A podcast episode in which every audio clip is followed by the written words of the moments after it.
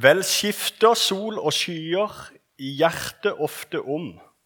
Snart ordet meg fornyer, snart kald jeg er og tom. Men jeg har lært betrakte, hos Gud det skifter ei.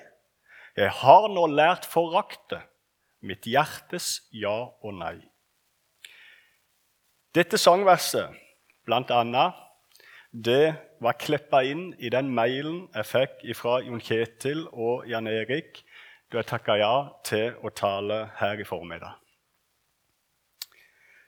Dere som er eldre enn meg, dere kjenner, gjerne godt dette verset og sangen 'På nåden i Guds hjerte'.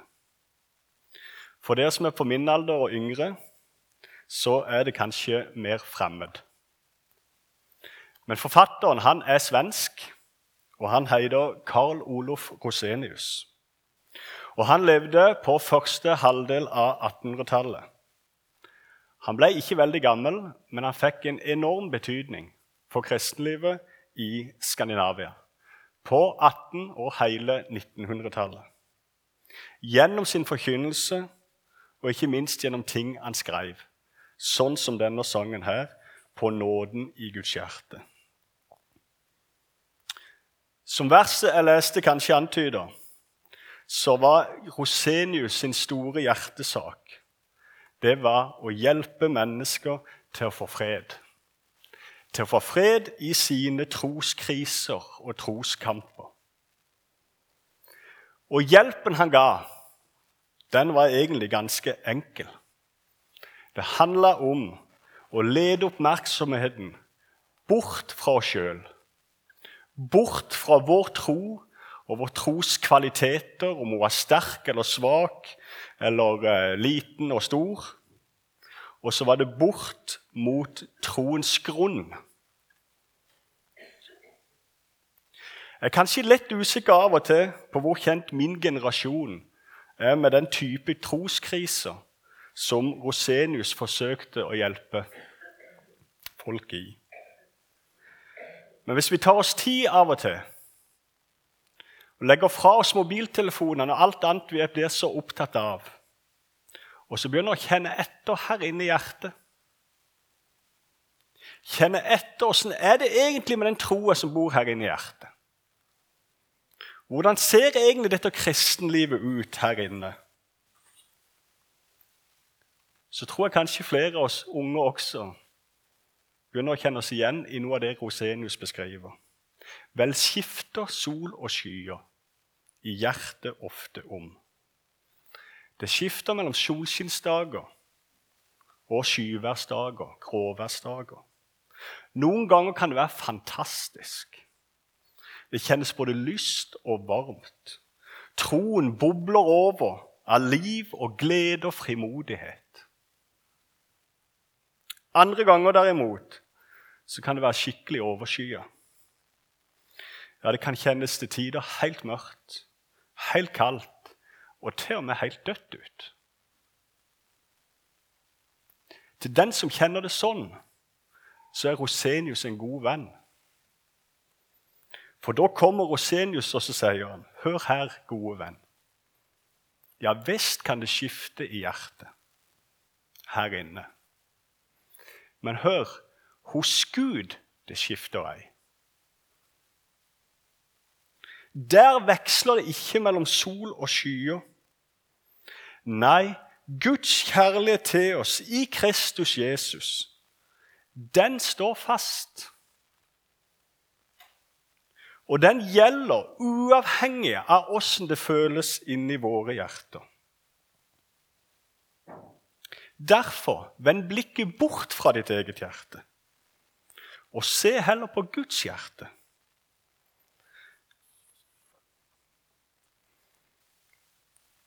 Vi skjønner at det kanskje ikke var tilfeldig at denne sangen her, jeg fikk denne sangen klippa inn i den mailen i forkant av møtet når temaet er troens grunn. For Poenget med denne taleserien som ble sagt, det er nettopp det at vi fram mot påske skal få hjelp til å flytte oppmerksomheten bort fra oss sjøl. Bort fra vår tros kvaliteter. styrker eller svakheter. Og så over på, på Guds hjerte. Og på det som står fast i himmelen. For det er nemlig noe som står fast i himmelen. Det er noe som gjelder hos Gud i himmelen. Og det er Jesu død og oppstandelse. Det er det som gjelder i himmelen. Og det er faktisk bare det som gjelder for Gud i himmelen. Våre feil, våre mangler, vår synd og skyld, det gjelder ikke himmelen. For det ble utslettet på korset. Det ble utslettet med blod da det ble naglet på korset, som vi synger i en sang. Det er tatt bort fra Guds ansikt. Ja, ikke bare våre feil og mangler. Til og med det beste og frommeste vi har å komme med. Vår anger, omvendelse, vår tro, vår tjeneste, våre gjerninger. Det gjelder ikke for Gud i himmelen. For der gjelder bare Jesus og det han har gjort. Det er det som er troens grunn. Jesus og han alene. Og Derfor det beste botemiddelet Rosenius hadde mot troskrise, det var å male for oss Kristus. Male ut betydningen av Jesu død og oppstandelse. Og en annen sang av Rosenius, som også er temasangen for denne taleserien, det er 'Du kan ikke tro om en kjære så hør'. Gud har jo sin sønn og skivet. Og når blodet da virket så kraftig hos Gud at han lot seg evig forsone, og derfor alene vil ha deg til brud og gi deg den himmelske krone, så la du deg dermed òg nøye. Jeg må innrømme det at når jeg fikk den mailen med disse sangene fra Rosenius, og tanken begynte å spinne, så tenkte jeg dette kan jo faktisk bli en fin tale. Dette kan jo bli en tale som jeg trenger. Men den tanken slo jeg fort ifra meg, hadde jeg nær sagt. For plutselig gikk det opp for meg hva som var denne søndagens prekentekst. Fra Matteus 15 og fortellingen om denne kanadiske kvinnen. Og jeg må innrømme at det sokk i meg av flere grunner. Men mest for det jeg syns at Jesus i denne teksten i dag synes å gjøre akkurat det stikk motsatte av hva Rasenius prøver å hjelpe oss til. For i stedet for å rette oppmerksomheten mot troens grunn, Jesus og han alene, så retter Jesus i denne teksten oppmerksomheten mot kvinnens tro. Stor er denne kvinnens tro. Og så hylles denne store troen. Plutselig er det som ikke det lenger er troens grunn det handler om men troens størrelse, styrke, dens kvaliteter, som er poenget. Nå kan begynne å lure på om ikke taleserien heller burde begynt neste søndag. Og kanskje han kan begynne å lure på om Rosenius ikke hadde lest Matteus kapittel 15. Men jeg tror allikevel det henger sammen, når alt kommer til alt. Vi skal komme tilbake til det, men først noen ord om denne teksten fra Matteus 15. For Uansett hvordan han vrir og vender på den teksten, så er unektelig den teksten en litt underlig tekst. Vår kjære, gode Jesus, han er liksom ikke helt til å kjenne igjen. Her leser vi nemlig om ei hjelpeløs fortvilt kanadisk kvinne som roper ut sitt Kyrie eleison. Ha barmhjertighet med meg. Og så er det nesten som man ikke tror det man leser videre. Jesus svarte henne ikke et ord. Vår Jesus, min Jesus, min kjære, gode Jesus, svarer ikke et ord. Han som er kjent for å være medynk, ha medynk. Han som lar blinde se, døve høre og lamme gå.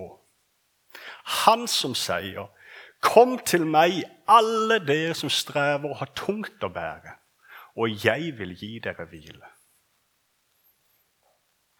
Han svarer ikke denne kvinna et ord. Først etter at disiplene syns har gått lei, og på et litt merkelig vis går i forbønn nærmest for denne kvinna, da svarer Jesus. Men han svarer med en kald avvisning. Denne kvinnen angår meg ikke. Jeg er ikke sendt til sånne som hun. Hun er kanoné og ikke jøde. Hun tilhører feil folk.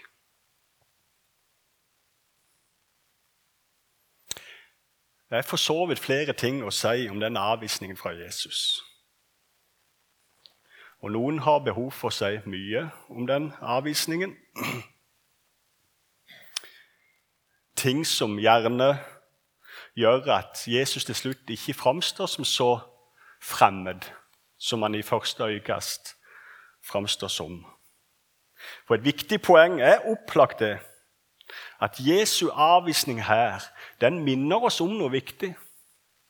Den minner oss om at det er for jøde først, og så for alle oss andre. Det jødiske folk har et frelseshistorisk prioritet. De ligger Gud særlig på hjertet. Og Det skulle vi kunne snakket litt mye mer om, både til oss sjøl og til hverandre. Særlig i disse tider. Så må vi ikke glemme det jødiske folk har en særlig plass i Guds hjerte. Men det poenget løser likevel ikke alt i vår tekst. For Jesus hadde jo like før tatt seg god tid til en offiser, ikke-jødisk offiser i Kapernaum. Han hadde også satt seg ned med en samaritansk kvinne ved brønn. Så det var ikke sånn at Jesus ignorerte alle ikke-jøder. Derfor hadde det vært så mye finere om Jesus hadde gjort det som han gjorde med den samaritanske kvinna hun som Jesus sjøl oppsøkte og satte seg ned med, sjøl om hun ikke engang ropte på han. Men så kommer det ei fortvila, hjelpeløs kanadisk kvinne og roper ut akkurat de samme ordene som Bartimeus ved Jeriko ropte. Kyrie eleison. Ha barmhjertighet med meg. Og mens Jesus med en gang tar seg av denne Bartimeus og helbreder, så svarer han ikke denne kvinnen et ord. Og vi forstår det ikke. Vi forstår ikke hvorfor. Hvorfor Jesus sier og gjør som han gjør. Men om vi ikke forstår, så kjenner kanskje noen seg igjen.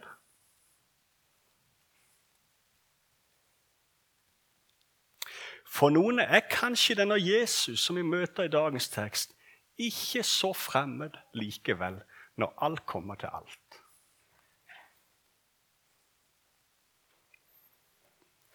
Det er kanskje ikke noe man snakker så høyt om.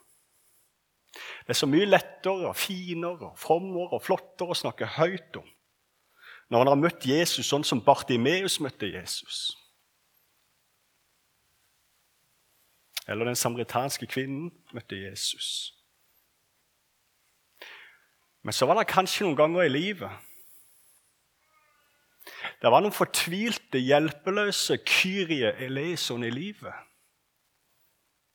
Som han opplevde at Jesus svarte ikke et ord. Det var helt stille.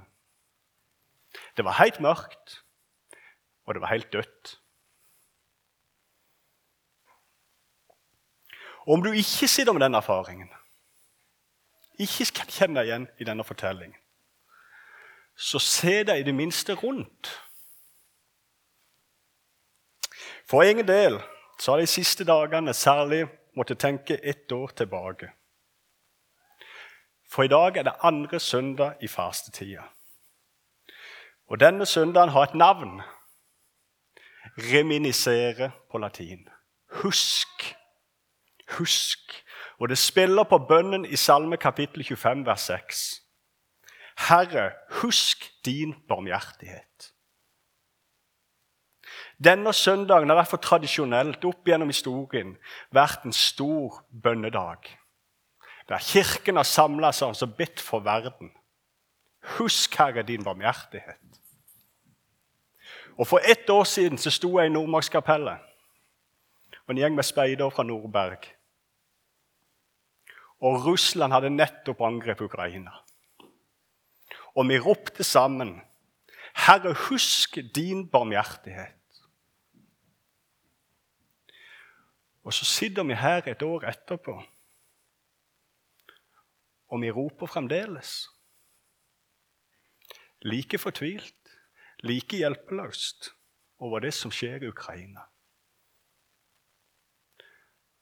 Og så må jeg si det Jeg syns det som Herren ikke har svart et ord.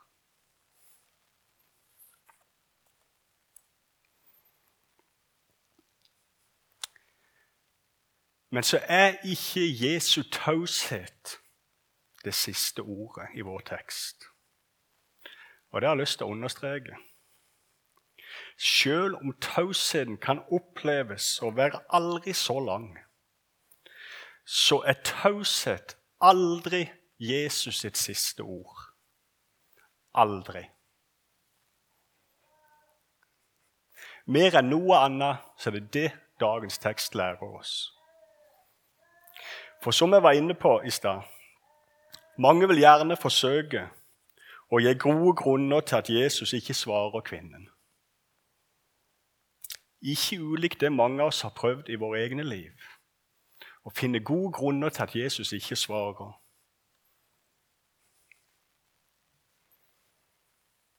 Ja, Noen ganger kan man bli så god til å finne sånne grunner at man kan nesten bli bedre enn Jobbs venner. Men jeg har ikke tro på når alt kommer til alt, så har jeg ikke så mye tro på alle disse grunnene og svarene man finner. Men akkurat som Jobbs bok så vitner denne teksten om at taushet er aldri Jesus' siste ord. Selv om du finner aldri så mange gode forklaringer på at Jesus er taus, så er det én ting som kommer til å trumfe det.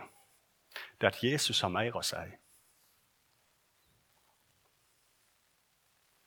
Og Jesus' siste ord til den kanadiske kvinnen, det er ikke småtteri.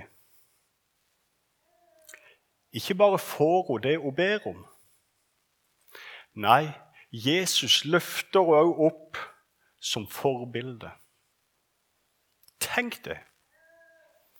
Denne kvinna, som først ble ignorert og avvist, hun løftes til slutt opp av Jesus sjøl, fram som forbilde med ordene 'Kvinne, din tro er stor'. Og med det er vi tilbake til denne store troen.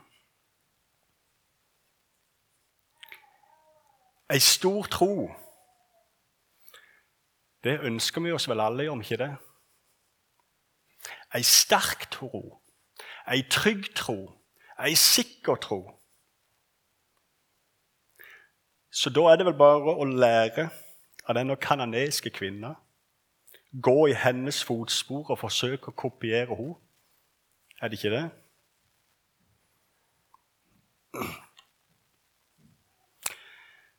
Jeg kan ikke uten videre anbefale noen å gjøre det, må jeg ærlig innrømme. Ikke misforstå. Jeg unner dere alle ei sterk, stor, trygg og sikker tro. Virkelig. Måtte Gud gi oss alle mange og lange dager med ei sterk, trygg og sikker tro. Men når sant skal sies, så er det ikke først og fremst styrke, trygghet og sikkerhet som synes å kjennetegne denne store troa til den kanadiske kvinna. Snarere tvert imot. Det er jo egentlig ikke så mye, veldig mye mer enn et hjelpeløst rop om hjelp denne troa til kvinna. Ja, hun er pågående. Hun er intens, og hun er dristig. Men det avslører vel egentlig bare dybden i fortvilelsen som ligger bak dette ropet om hjelp. For hva var egentlig alternativet for denne kanadiske kvinna? Hva er alternativet hos henne til denne intense og pågående bønnen? Jo, alternativet det er å gå hjem og så er det fortsette hjelpeløst å se på at en ond ånd plager hos kjære datter. Det er alternativet. At en ond ånd herjer med hos kjære datter. Det er ikke noe alternativ. Nei, da er det bare egentlig ett alternativ igjen. Og det er å håpe på at Jesus fra Nasaret faktisk skal vise seg å være så barmhjertig og god som ryktet sier. Og når han i første omgang avviser henne, ignorerer henne, så har hun heller ikke noe alternativ enn å likevel håpe at han likevel til slutt skal vise seg å faktisk være så barmhjertig som ryktet sier. Der har du denne kvinnens store tro. Og det ligner på Abrahams tro, en annen stor tro i Bibelen. Om Abraham sies det i Romerne 4. Mot håp trodde han med håp. Der alt håp var ute, der ikke det fantes noe håp, der hadde ikke Abraham noe annet å gjøre enn å håpe likevel.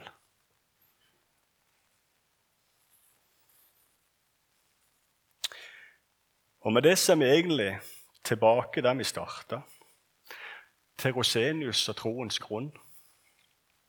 På et vis. For det er en fellesnevner. Og det er Hebreerne 11 sin definisjon av hva tro er. Der står det at troen er et pant på det vi håper, et bevis for det vi ikke ser. Det er Et litt underlig definisjon, men det er noen nøkkeluttrykk her. Troen handler om det vi håper på og det vi ikke ser. Vi vil så gjerne se det. Vi vil så gjerne føle det, kjenne det, ta på det. Da blir nok troen trygg og sikker. Og noen ganger gjør den det, faktisk virkelig. Ikke misforstå meg. Og det er fantastisk når det skjer. Men som for Abraham, og som for den kananiske kvinnen så er den kristne tro så ofte en tro på tross av. På tross av det vi ser.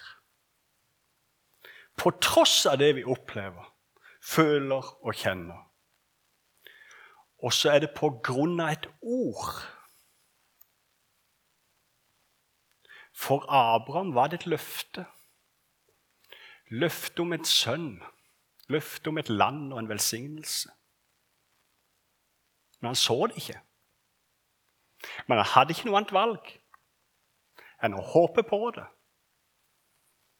Dette løftet.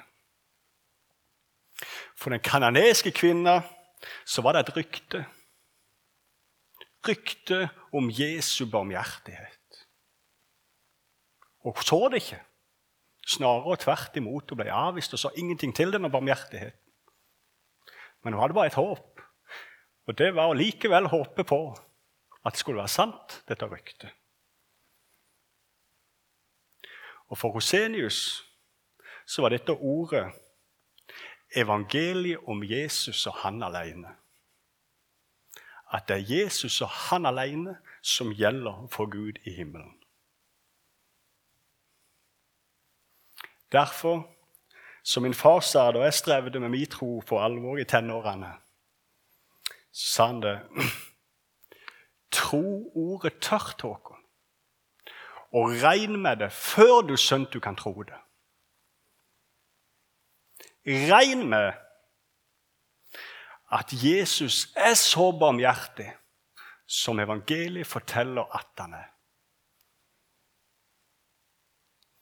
Regn med at Jesus' siste ord aldri er taushet. Regn med at hos Gud det skifter ei. Hos Gud det skifter ei. For den nåde som er frambrakt i Guds hjerte ved Jesu død og oppstandelse, den skifter ikke. Takk, gode Gud, for din nåde og din tilgivelse. Takk for din barmhjertighet. Takk at ikke taushet er ditt siste ord. Og lær oss å vende blikket mot deg og deg alene. Og styrke oss i vår svake tro vår hjelpeløse tro og vår fortvilte tro. At du må komme til oss og lege oss, at du må være god mot oss. Så ber jeg enda i dag for verden. Du ser alle som har det vondt. Ser alle som sørger, alle som lider, alle som er redde, alle som er sultne. Vær hos dem og vær nær dem. Ha barmhjertighet med dem. Husk din barmhjertighet. I ditt navn. Amen.